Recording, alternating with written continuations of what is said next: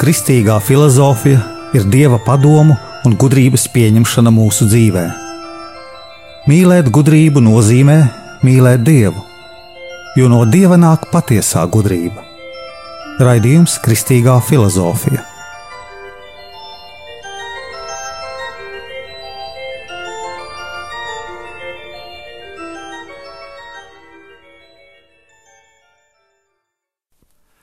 Es esmu Jānis Valtrvitenheims, Jeruzalemes Kristus kapa ordeņa bruņinieks, un ar jums ir kristīgā filozofija.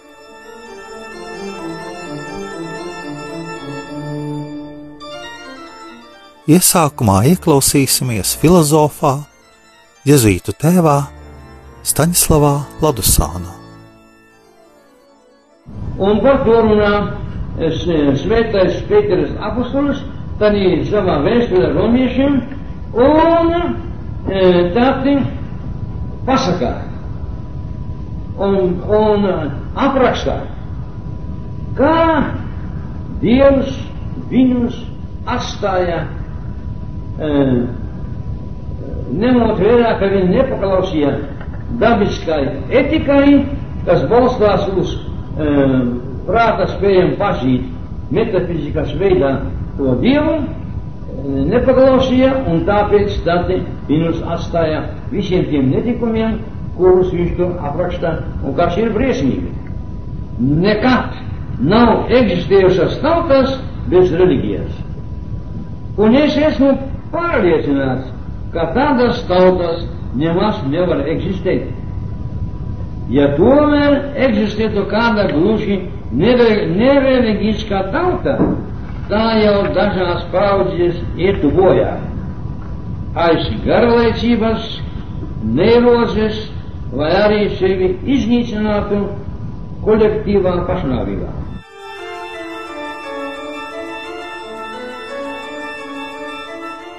Jūs klausījāties latviešu filozofu, Jēzuītu tēvu Staņislavu Ladusānu. 1993. gada ierakstu.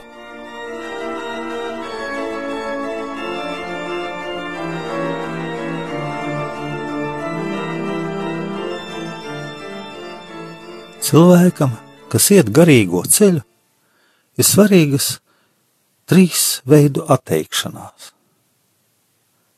Jo ir galvenais, lai cilvēks tiektos pie Dieva, viņam ir jāizmaina savs prāts. Pirmkārt, cilvēkam ir jāmāk atteikties no miesas kārībām. Otrkārt, atteikties no nepareizām domām un savas domas virzīt uz Dievu. Un treškārt, cilvēkam ir jāsasniedz stāvoklis, lai nedomātu par slikto, lai nevirzītos uz grēku pusi, lai netiektos uz grēku. Atteikties no bagātībām pasaulē parastam cilvēkam nav iespējams. Tas iespējams varētu teikt tikai mūkam. Mums visiem ir jāuztur ģimenes, jārūpējas par mantu, tā ka bagātība ir daudz kas vairāk. Bagātība ir pārlieku liels daudzums mantas. Cilvēkam ir jācīnās ar savām kaislībām, gan mīsīgām, gan garīgām.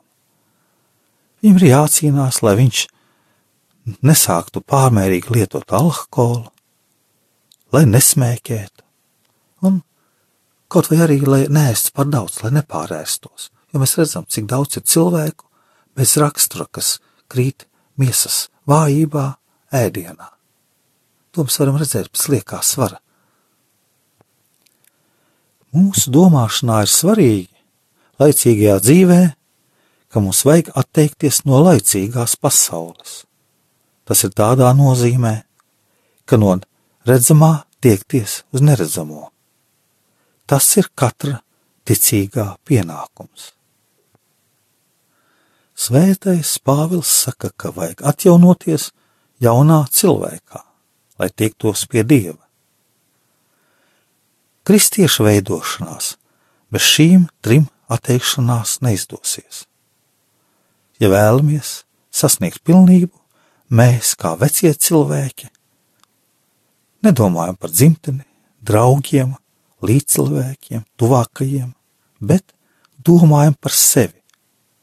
Kā nekā mēs esam Ādama pēcnācēji. Kristus pēcnācēji ir atjaunotie cilvēki. Cilvēki, kas pieņem sevī Kristus miesu un asinis. Mēs pārveidojamies savā dabā, paliekot daļa no Kristus miesas un asinīm.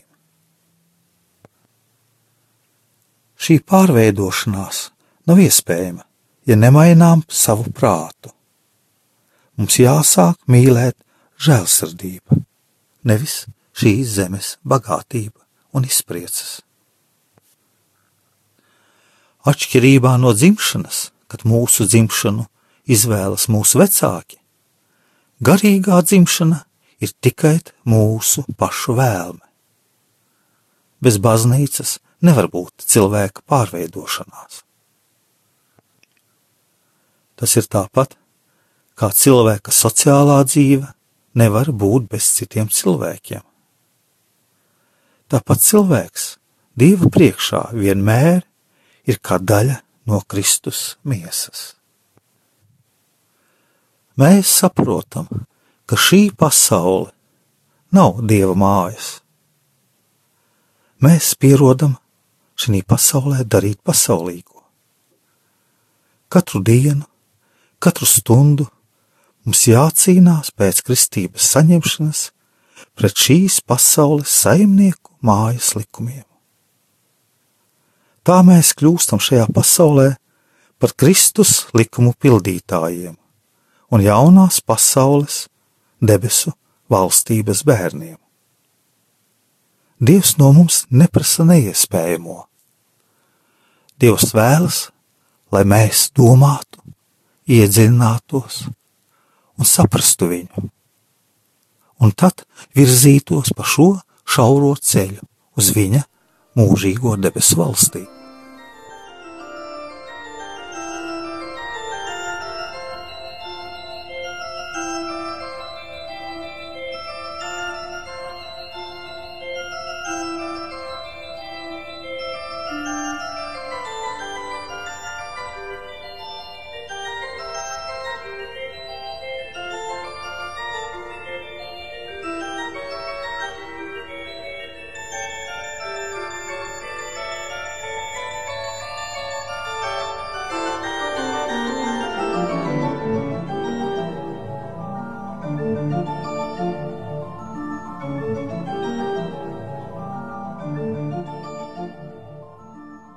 Ir svarīgs jautājums, kā mums virzīties šajā pasaulē, kur valda manta uz mūžīgo debesu valstību, neņemot līdzi šīs pasaules likumus.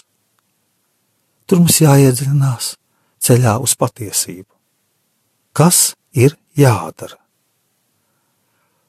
Mums ir jādomā, mums ir jālasa un jādomā un domājot, atkal jāizdara secinājumi.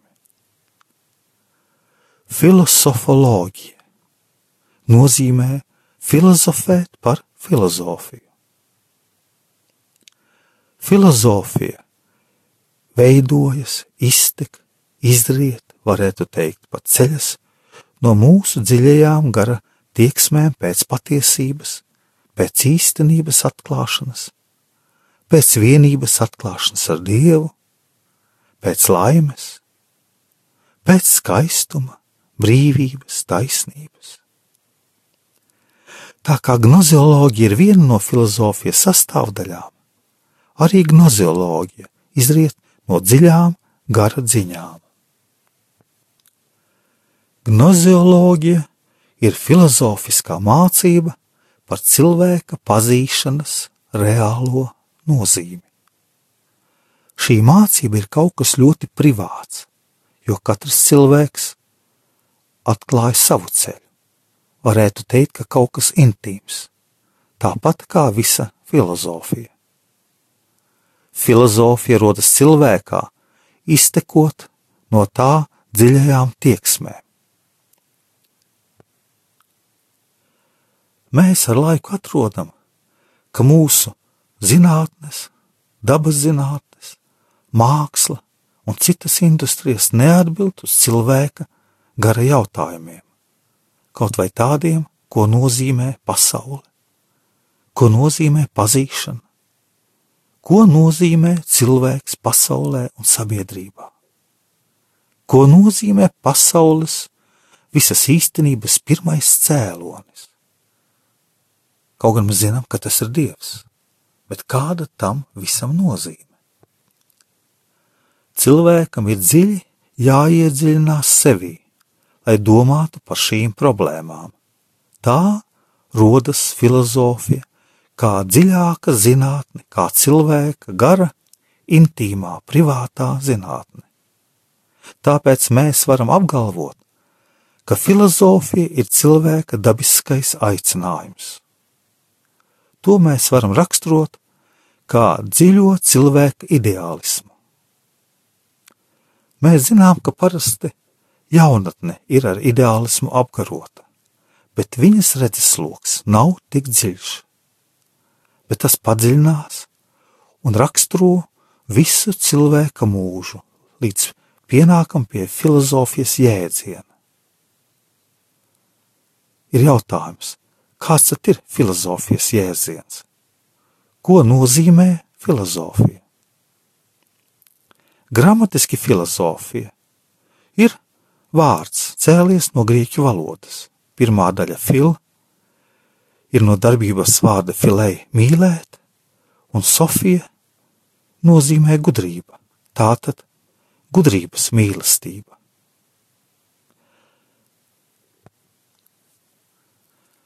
Tātad, ja mēs mīlam gudrību, vēlamies būt gudri, vēlamies būt virzībā uz pilnību, virzībā uz mūžību, uz Dievu, mums ir ļoti daudz kas jāpārdomā.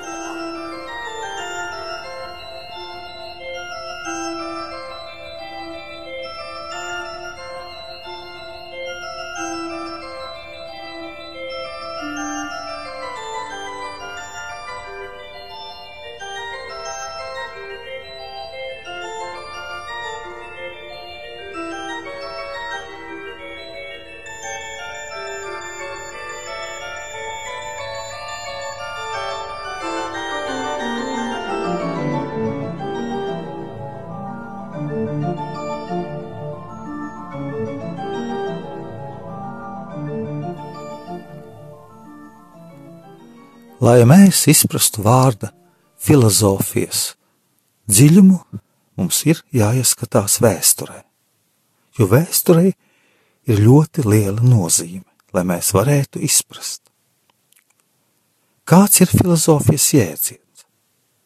Tad pirmkārt mums ir jāsaprot, ka par filozofiem tika saukti gudrie.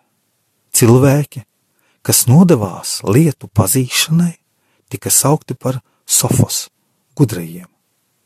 Gudrais un gudrība ir ļoti augsta, varētu teikt, cildena lieta. Tā Pitagors savā pazemībā neiedrošinājās sevi saukt par sofos, par gudro, bet nosauca sevi par gudrības meklētāju, par gudrības mīlētāju, jo gudrība izsaka lielu dziļumu un plašumu. Gudrībai nav robežu. Tā ir zināma bezgalība. Un cilvēks nevar vienā mirklī kļūt gudrais, iemantot visu gudrību visā tās dziļumā un plašumā. Viņš var pakāpeniski palikt gudrāks, kļūt par gudro, meklējot gudrību, pamazām augot savā gudrībā, savā atrastajā ceļā. Sofos pie Homēra un citiem grieķu autoriem nozīmē kompetentu cilvēku. Nozīmē kompetenci gan mākslā, gan citās zinātnēs, bet īpaši politikā. Mēs atrodam vēsturē pie grieķiem, ka filozofija nozīmē kontemplācijas mīlestību. Un arī nozīmē kultūras mīlestību. Tagad apskatīsim filozofiju no gnozioloģijas stāvokļa. Ir divi gnozioloģijas stāvokļi - primitīvais, ko mēs saucam par prefilozofiju, tātad iepriekšējo filozofiju, un tad ir filozofija, sistemātiskā filozofija. Jau prefilozofijā, ja primitīvajā filozofijā, ikdienas cilvēka filozofijā, kā mēs domājam, tātad parastajā cilvēkā, ir liela nepieciešamība, lai, iz, lai izraisītu cilvēka laimes problēmu. Kas ir laime? Jo laimīgs vēlas būt ik viens cilvēks. Sistemātiskajā filozofijā mēs varam saprast, ka laimes sajūta iziet no cilvēka gara dziļuma. Lai mēs skaidri varētu izprast savu garu, mums jāsaprot, ka prāts bez ticības praktizēšanas var noiet neceļos, un ir sevišķi diezgan ātri mūsu laikos. Ticības dzīvā praktizēšana, tātad ticība un mūsu solis uz svētumu pasargā mūsu prātu, lai tas darbotos saskaņā ar saviem likumiem un lai viņš sasniegtu savu tīrību. Prāta tīrība tas ir pazīt visu balstoties uz lietu saprotamību. Un prāta tīrība mums parāda, ka mēs ejam pareizajā virzienā. Netiecoties pēc patiesības, cilvēks nevar pareizi dzīvot. Tātad bez filozofijas cilvēks nevar dzīvot un saprast, izprast un organiski visu sakopot. Svarīgi ir vest garīgo dzīvi līdz visaugstākajiem augstumiem. Tā kā Kristus saka, mīliet ne tikai draugus, bet arī ienaidniekus. Es esmu Jānis Valtra-Vitsenheims un jūs klausījāties 30. raidījumu Kristīgajā filozofijā. Filozofija iziet no cilvēka gara dziļumiem, un tādēļ ir svarīga garīgā dzīve un prāta tīra.